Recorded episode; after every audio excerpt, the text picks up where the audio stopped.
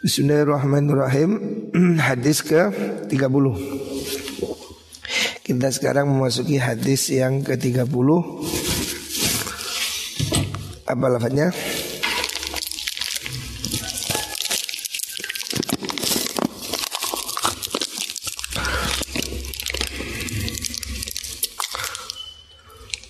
Ijtanibu al-kibra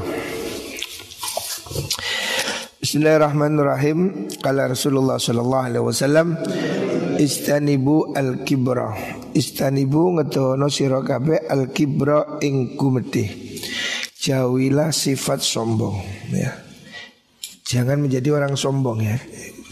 Sombong itu artinya apa sih? Sombong itu menganggap dirinya lebih hebat dari orang lain ya dan menghina orang lain ya. Jadi menganggap dirinya itu lebih baik ditambah dengan merendahkan orang lain ya. Itu namanya sombong. Final abda sudene kaulo sesungguhnya seorang hamba ikulayazal ora lere-lere sopo abad. Dia akan terus menerus ya takab baru takabur sopo abad. Seorang itu akan mempunyai sifat tercela dengan takabur terus menerus hatta yakula sehingga dawu sinten Allah taala Allah taala lima malaikati maring malaikati Allah dawe uktubu abdi hadza fil jabbarin uktubu nulis sira kabeh abdi ing kawula ingsun Hadza rupane ikil abad fil jabbarina ing dalam kaum golongane wong kang padha gumedhe kabeh ya. Jadi Rasulullah Shallallahu Alaihi Wasallam mengingatkan jangan kita ini sombong. Kalau kita sombong ya, kalau kamu sombong, karena sombong itu tidak mau menerima kebenaran ya. Sombong merasa dirinya paling baik, walaupun bukan hanya melulu soal harta. Ada orang sombong itu karena merasa dirinya pengaruh, Kiai pun juga bisa sombong ya. Kiai merasa santrinya lebih banyak, nah, sombong juga. Atau ahli ibadah merasa dirinya lebih keramat, merasa dirinya lebih sakti, ke mana-mana dikindil-kindil orang ya. Itu juga sombong ya. Jadi sombong itu bisa terjadi bukan hanya orang kaya. Memang kebanyakan orang sombong itu karena kaya dan pangkat. Tetapi sombong ya takabur itu bukan monopoli orang kaya ya. Sombong itu bisa jadi pada kiai, bisa jadi sombong itu pada ustadz ya, merasa santrinya lebih banyak, merasa lebih alim, merasa lebih pinter ya. Itu sombong juga. Itu jelek ya. Jadi orang yang hatinya masih ada sedikit pun rasa sombong tidak akan bisa masuk surga. Makanya jangan kita punya pikiran sombong ya.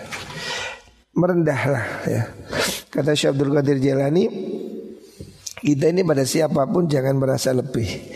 Kalau ada anak lebih kecil, kita harus merasa lebih rendah. Karena apa? Anak kecil itu mungkin dosanya masih sedikit. Kita ini pasti karena lebih tua dosanya lebih banyak. Maka kita tidak boleh sombong.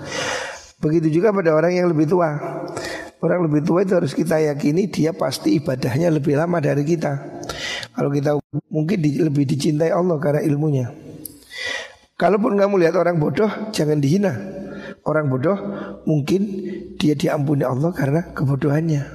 Tidak tahu ya. Jadi jangan bersifat sombong, merasa lebih dibanding siapa pun ya. Walaupun itu kiai, walaupun apalah, apa pun ya statusnya, jangan pernah merasa sombong. Karena kalau orang itu sombong, Allah akan uktubu abdi fil jabarin. Allah akan suruh catat malaikat dia di golongan orang yang jabarin ya. Jabar itu ya orang yang sombong-sombong, diktator ya. Artinya kalau sudah orang itu dicatat minal jabarin dia dianggap sebagai golongan para orang yang sombong, orang yang durhaka, ya tiketnya sudah jelas masuk neraka. Naudzubillah ya. Ini hadis sahih. Uh, hadis Imam Ibnu Adi an Nabi Umamah ya. Jadi sedikit pun jangan ada sombong. Ij'alu akhir salatikum billaili witran. Ij'alu ndadekno sira kabeh. akhir salatikum ing akhire salat sira. Witron filaili indal mungi witron ing ganjil. Hendaknya kamu jadikan akhir sholatmu itu witir kalau sholat malam. Jadi kalau kamu sholat tahajud, witir itu bisa dilakukan dua ya. Kamu boleh witir setelah isya, ya. kamu boleh witir setelah isya. Kalau kamu malam hari takut tidak bangun, kamu witir setelah isya. Kalau kamu malam harinya bangun, maka kamu witirnya di akhir sholat malam. Ya. Witir itu ganjil satu. Jadi sholatnya itu bisa dua dua dua satu atau dua dua dua dua satu. Pokoknya akhirnya sholat itu usahakan satu ganjil. Nah sholat witir ini bisa dilakukan satu rakaat sendiri, ini lebih baik. Bisa juga dilakukan tiga rakaat terakhir. Tapi ini menurut sebagian kurang bagus karena menyamai dengan sholat maghrib. Ya. Sebaiknya ya satu. Jadi dua dua satu dua dua dua satu ya witir ya. Ini hadis riwayat Imam Bukhari. Ij'alu min salatikum fi buyutikum wa la tattakhidhuha kuburan. Itahidu ngalapo sira kabeh. Ah, ij'alu ya. Ij'alu dadekno sira kabeh min salatikum sanging salat sira kabeh fi buyutikum ing dalam pira-pira omah sira kabeh ya. Jadikan salatmu di rumah ya. Artinya ambillah bagian dari sholatmu itu ada yang di rumah. Ulama menafsirinya artinya sholat di rumah itu sholat sunnah ya. Kalau sholat jamaah sebaiknya di musola, sebaiknya di masjid. Tetapi kalau untuk sholat sunnah hendaknya ada yang di rumah ya. Jangan kamu kosongkan rumahmu dari sholat ya. Ij'alu min sholatikum fi buyutikum. Jadikan bagian dari sholatmu ada yang di rumah. Kalau di pondok ya ada yang di kamar ya. Sholat apa yang di kamar atau di rumah? Ya sholat sunnah ya. Itu dianjurkan ada yang ada di rumah. Supaya apa? Supaya ulama menafsirinya ini Supaya itu lebih murni.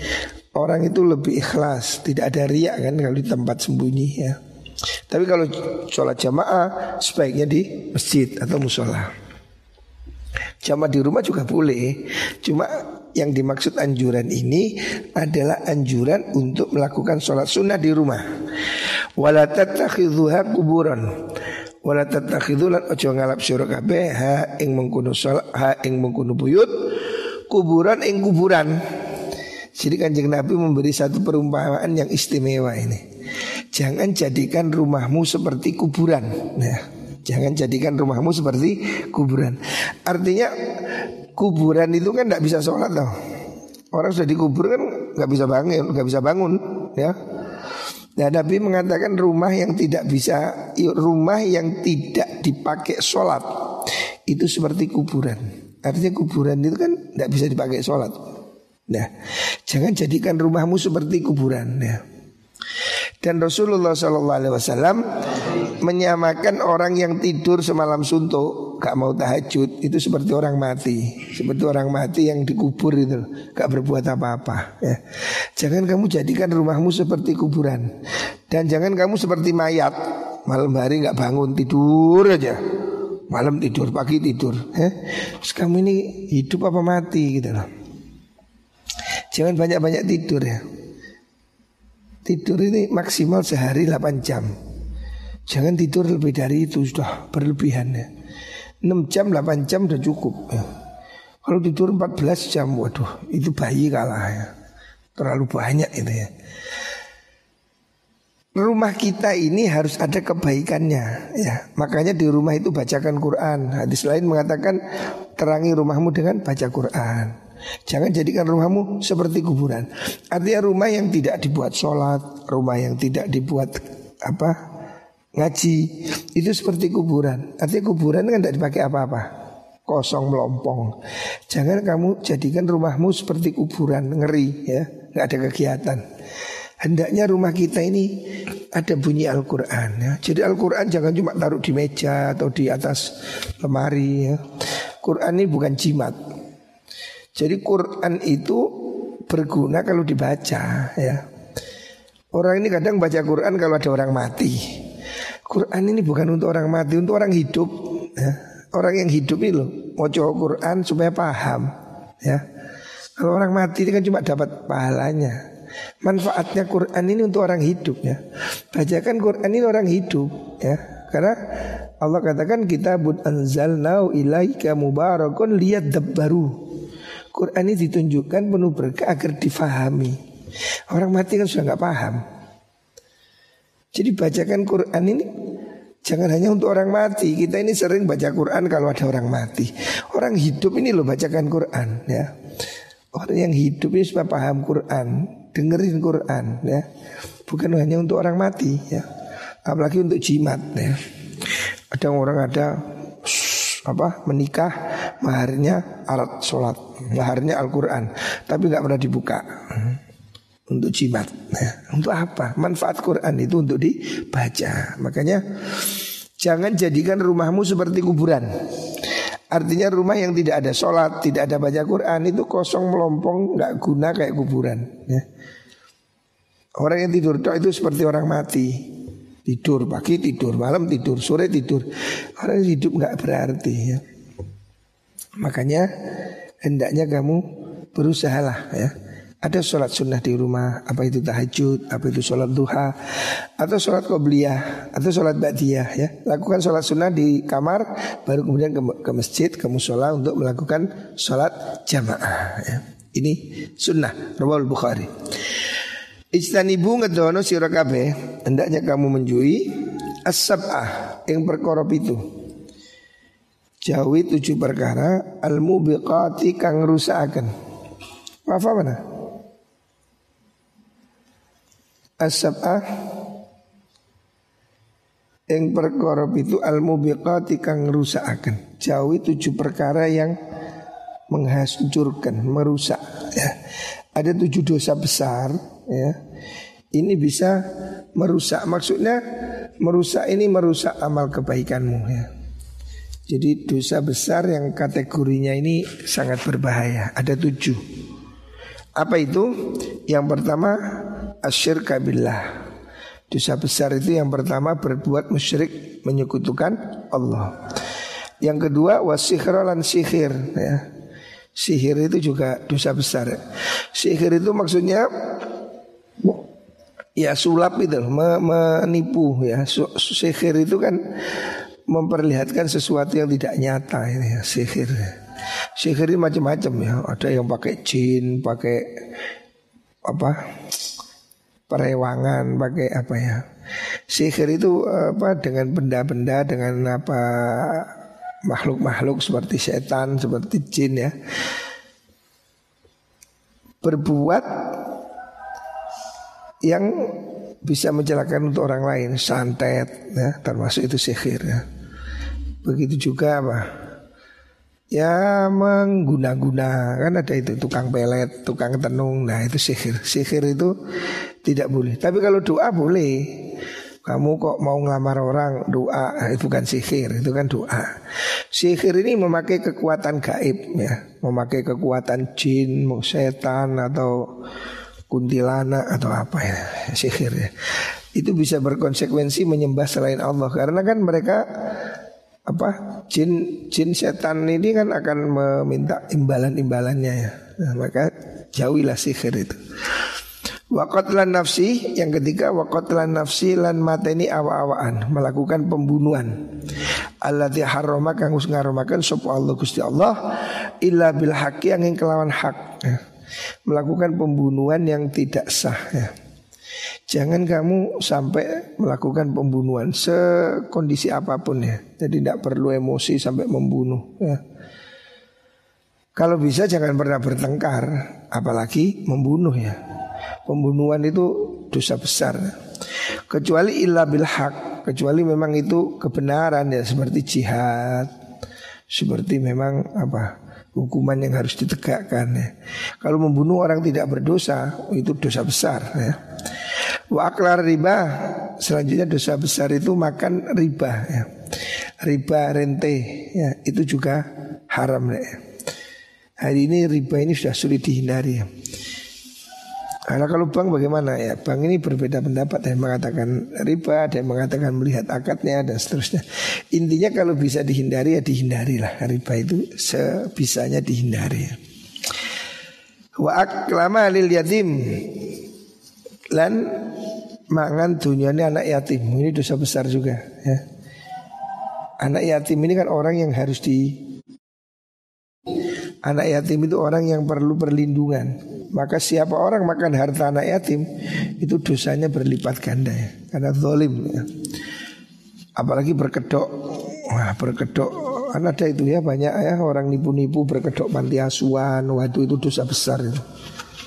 Melakukan penipuan atas nama anak yatim Tapi digunakan untuk pribadi. Wah itu haram luar biasa itu Watawali lan mengo yauma zahfi dalam tinor keti perang Dosa yang kebesar lagi itu yang keenam adalah lari dari medan perang. Jadi tidak boleh. Orang ini harus meyakini bahwa dalam berjihad dia akan mati syahid. Ya, tidak boleh lari dari medan perang. Nah ini yang membuat orang Islam ini sejak dulu gagah perkasa ya. Mereka tidak takut mati. Karena apa? Kalau dia dia mundur, lari itu dosa besar. Tidak boleh. Waqad fal muhsanatil ghafilatil mu'minat Waqad fal ghafil muhsanati landalih menuduh ya Qadhaf itu menuduh berzina ya pada al muhsanat wanita-wanita yang terjaga. Muhsanat ini wanita baik-baik ya. Al ghafilat biro-biro wadon kang lali saking maksiat. Maksudnya al ghafilat ini wanita yang terjaga yang bukan wanita murahan ya. Orang santri, orang apa ya wanita baik-baik lah. Al mukminati pira-pira kang mukmin. Menuduh orang berzina itu dosa besar Walaupun kamu melihat dia goncengan pokoknya Wah saya lihat itu gonceng Goncengan itu kan belum tentu berbuat Walaupun kamu mendengar dia berdua dalam kamar sekalipun Tidak boleh menuduh zina Karena apa?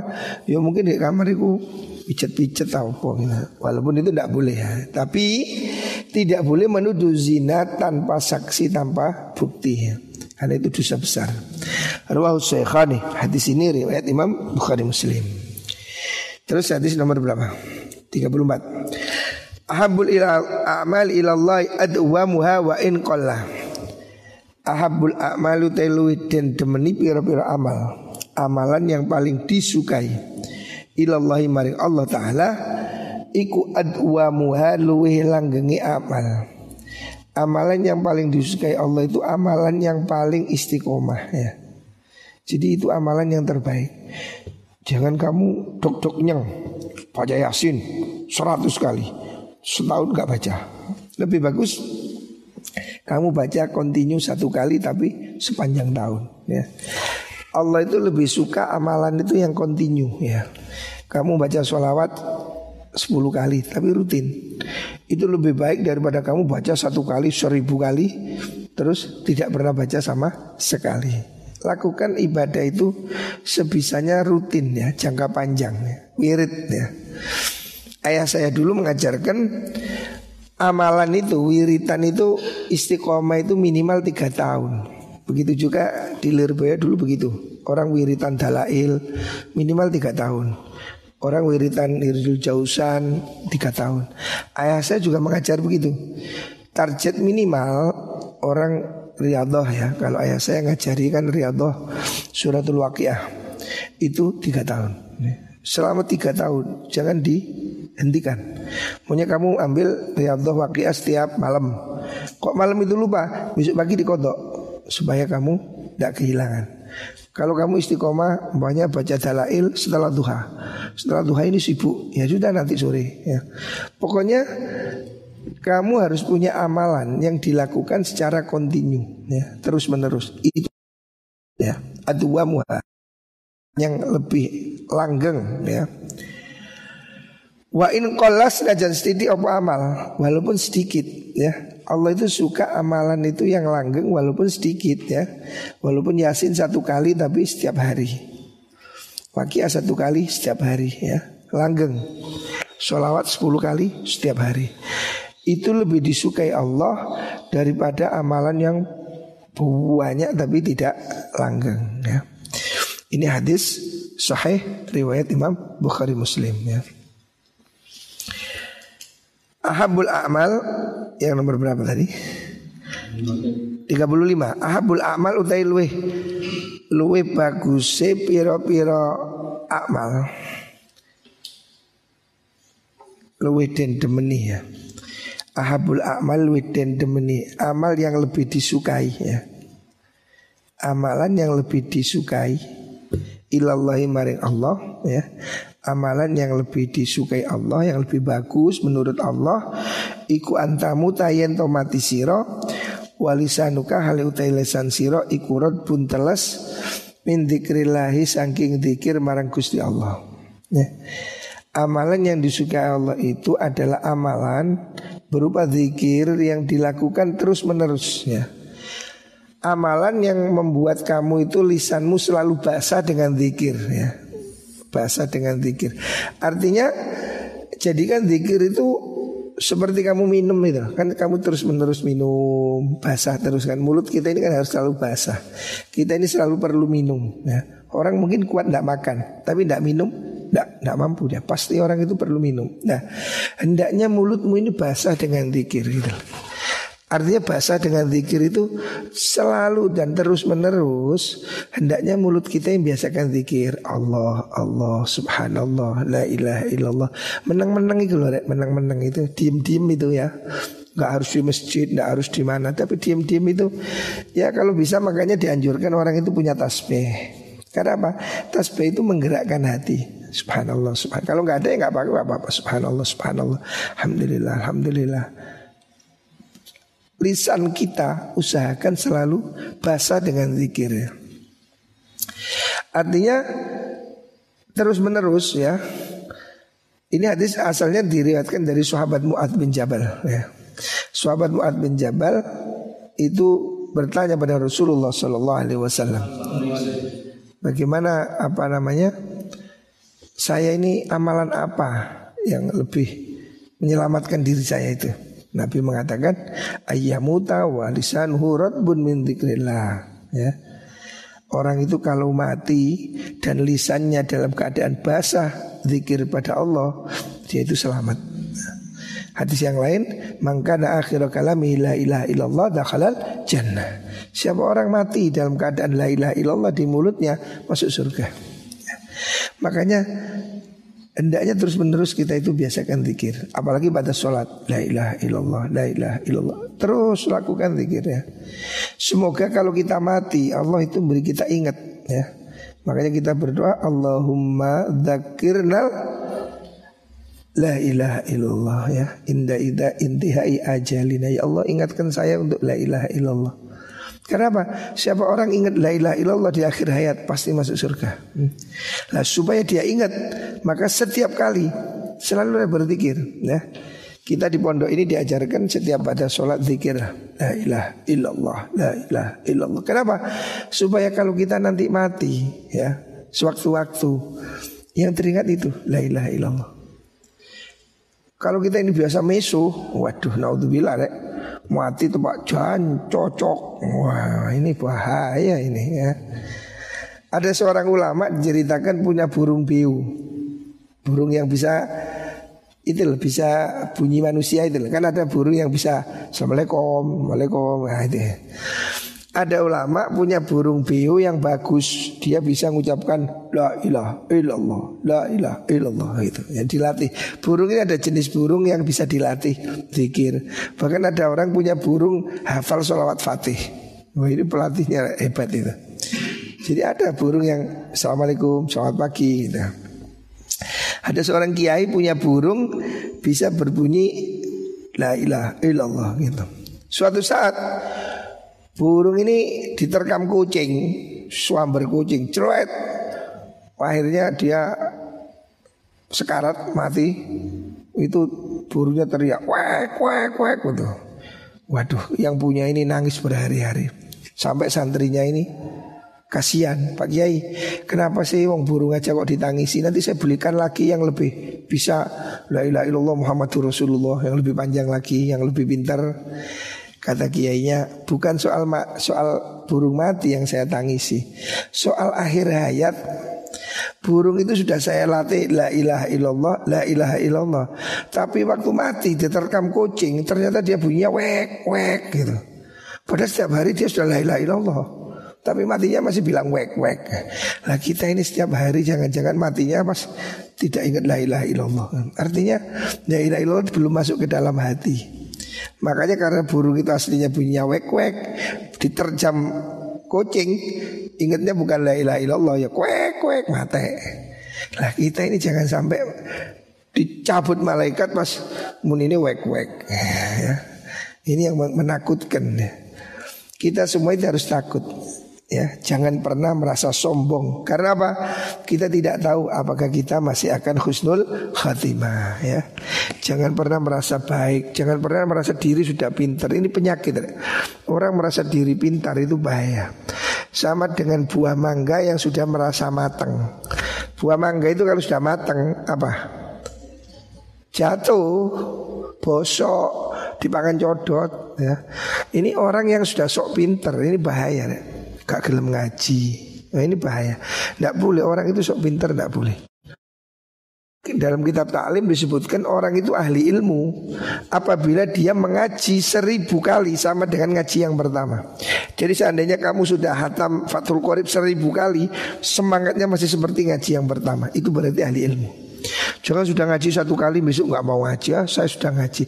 Itu tandanya bukan ahli ilmu. Kalau ahli ilmu itu tidak pernah tidak pernah puas dengan ngaji, terus menerus kepingin ngaji. Ya, lah ini tanda orang ahli ilmu.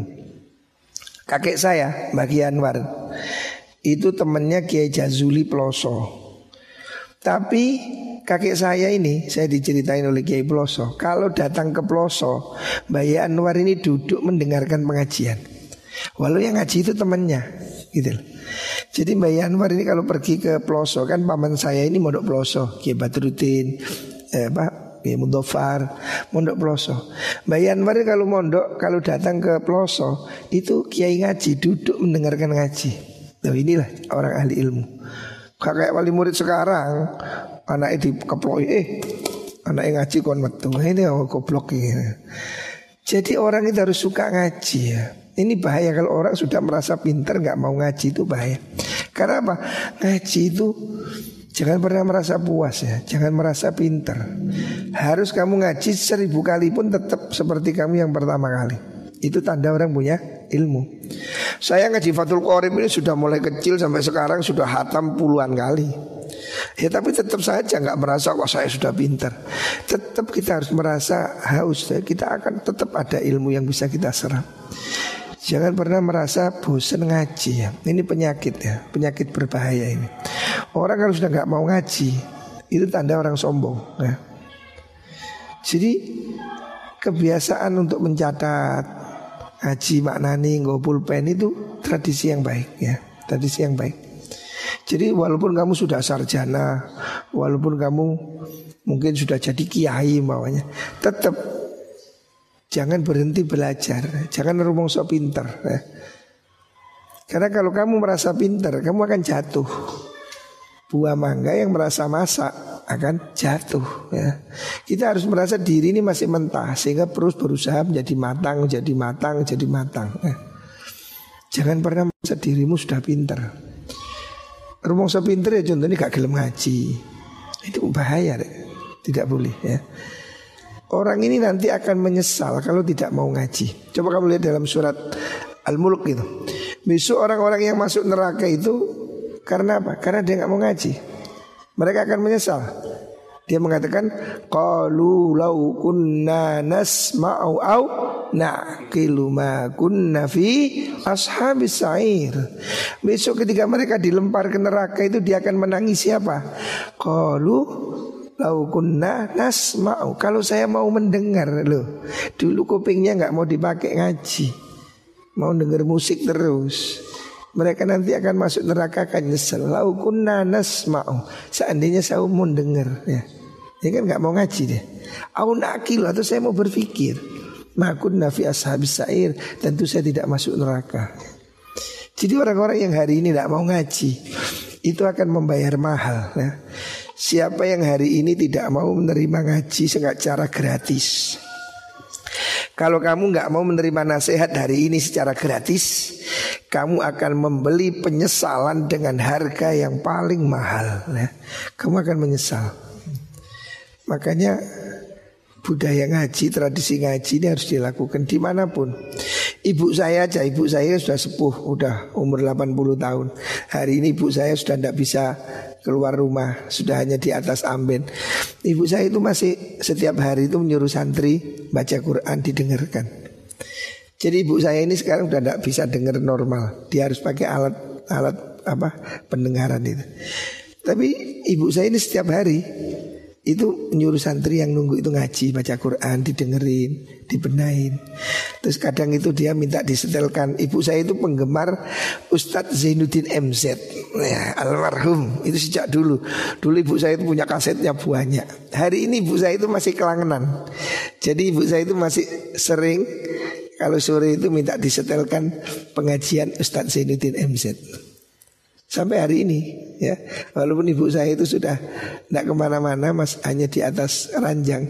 Tapi ibu saya itu masih ngaji. Masih kepingin dengerin Ustaz Zainuddin MZ Lu ini loh tanda orang punya ilmu ya. Anda orang cinta ilmu. Jadi jangan kamu terus gak mau ngaji Merasa pinter Itu berbahaya ya. Itu namanya hati yang keras ya. Kata Imam Luqman Al-Hakim Orang ini kalau jauh dari ulama, jauh dari pengajian, hatinya akan membatu, mengeras, ya. akan mati. Orang tidak makan seminggu mati. Begitu juga hati kita. Kalau seminggu tidak dengar pengajian, tidak dengar nasihat, seperti ini kan kita dinasihati oleh siapa? Oleh Rasulullah Shallallahu Alaihi Wasallam. Ini kan hadis. Kita mendengar hadis itu adalah harus merasa kita sedang dinasihati oleh Nabi. Oh Nabi apa? Di sini Nabi menyatakan supaya apa? Jangan sombong. Nabi mengajari kita bagaimana supaya tidak sholat sunnah di rumah. Nabi mengajari kita apa? Tujuh dosa besar. Ini harus kita dengar. Kalau kamu sudah nggak mau dengar nasihat Nabi, terus siapa lagi yang akan kamu dengar ya?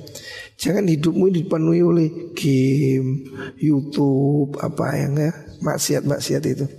Kurangi semua itu ya. Dulu kakek saya almarhum ya. Orang dahulu ini ya cerita. Kakek saya almarhum itu tidak mau musik sama sekali. Sampai pernah ya nikahan kakak saya yang barep itu. Ning saya yang barep itu pernikahan itu kan ya biasa namanya orang mantu pasang terop kan ya pakai musik lah tapi musik apa kosida itu loh dulu kan ada nasi daria tahu kamu Nasi Daria itu kan lagu lagu apa? Lagu istilah lagu rohani lah kalau sekarang itu kan tidak ada nasi daria lagu cinta tidak ada. Itu pun kakek saya nggak mau. Jadi waktu pernikahan itu sebelum acara itu kan biasa tukang salon nyetel apa kaset itu. Didatangi sama kakek saya nggak boleh. Disuruh nyetel apa? Al-Quran. Jadi orang mau mantan nyetel Al-Quran. Jadi orang dahulu itu saking hati-hatinya menjaga supaya tidak suka musik ya, tidak suka seneng-seneng hiburan. Hanya Al-Quran. Jadi mantenan itu ya waktu itu saya lihat sendiri manten kakek kakak saya tidak boleh nyetel kosida, suruh nyetel Quran. Ya. Jadi seumur hidup tidak suka musik. Dan rumah kakek saya itu tidak punya TV sama dengan rumah ayah saya. Ayah saya itu seumur hidup tidak punya TV. Saya ini punya TV setelah menikah.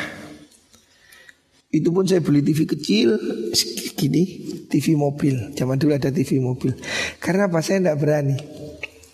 Kakek saya, ayah saya tidak punya TV. Jadi masa kecil saya itu tanpa TV, tidak punya TV. Maka sampai hari ini saya tidak suka TV. Saya tidak pernah nyetel TV itu. Hampir tidak pernah. Tidak suka. Karena apa? Sejak kecil didikan ayah saya tidak, tidak pakai TV. Hari ini ada YouTube malam.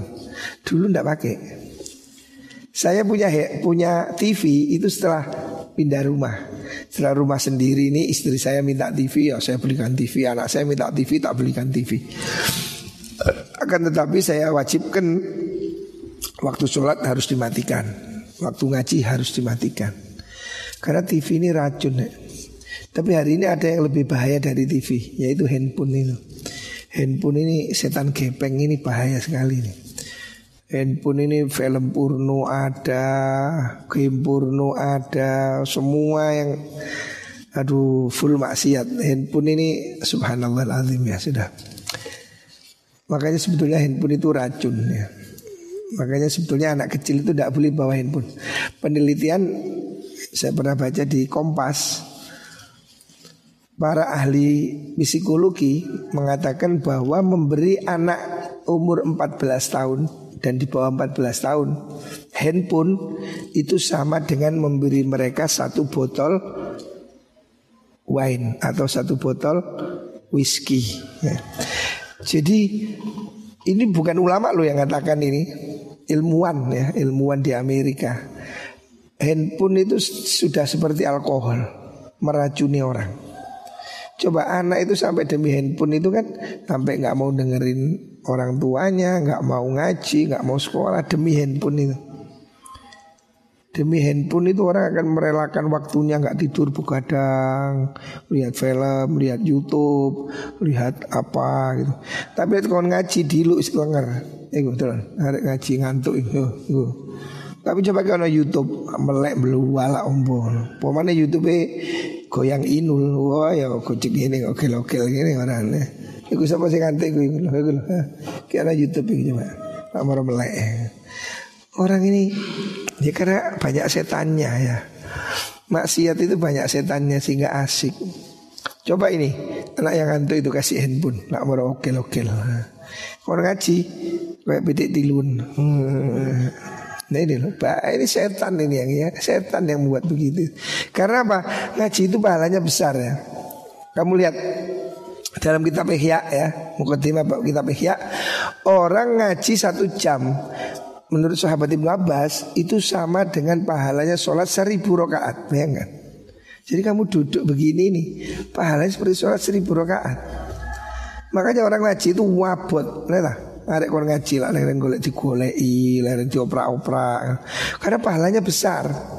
Jadi amalan itu kalau pahalanya semakin besar, rintangannya semakin berat gitu loh. Pahalanya itu kalau semakin besar maka rintangannya akan semakin berat setannya akan semakin besar ya. Makanya ngaji ini uang waras-warasan. Tentang orang ngaji ini kan seperti digandoli truk. Ada budal ngaji wabot.